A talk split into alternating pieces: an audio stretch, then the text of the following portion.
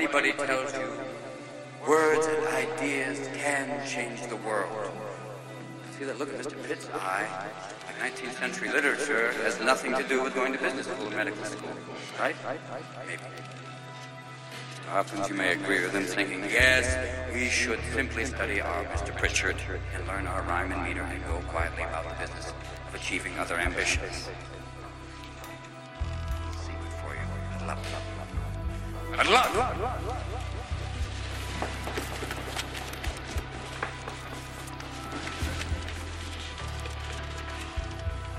We don't read and write poetry because it's cute.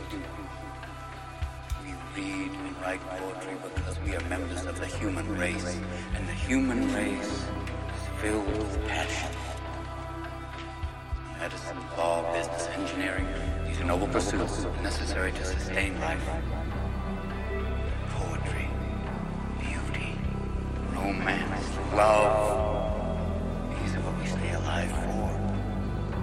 Hope Whitman. Oh me, oh life of the questions of these recurring, of the endless trains of the faithless, of cities filled with the foolish. What good amid these, oh me, oh life? You are here, life exists play goes on and you only contribute a verse.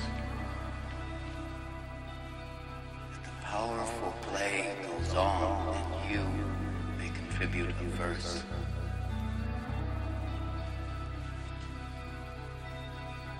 Your verse?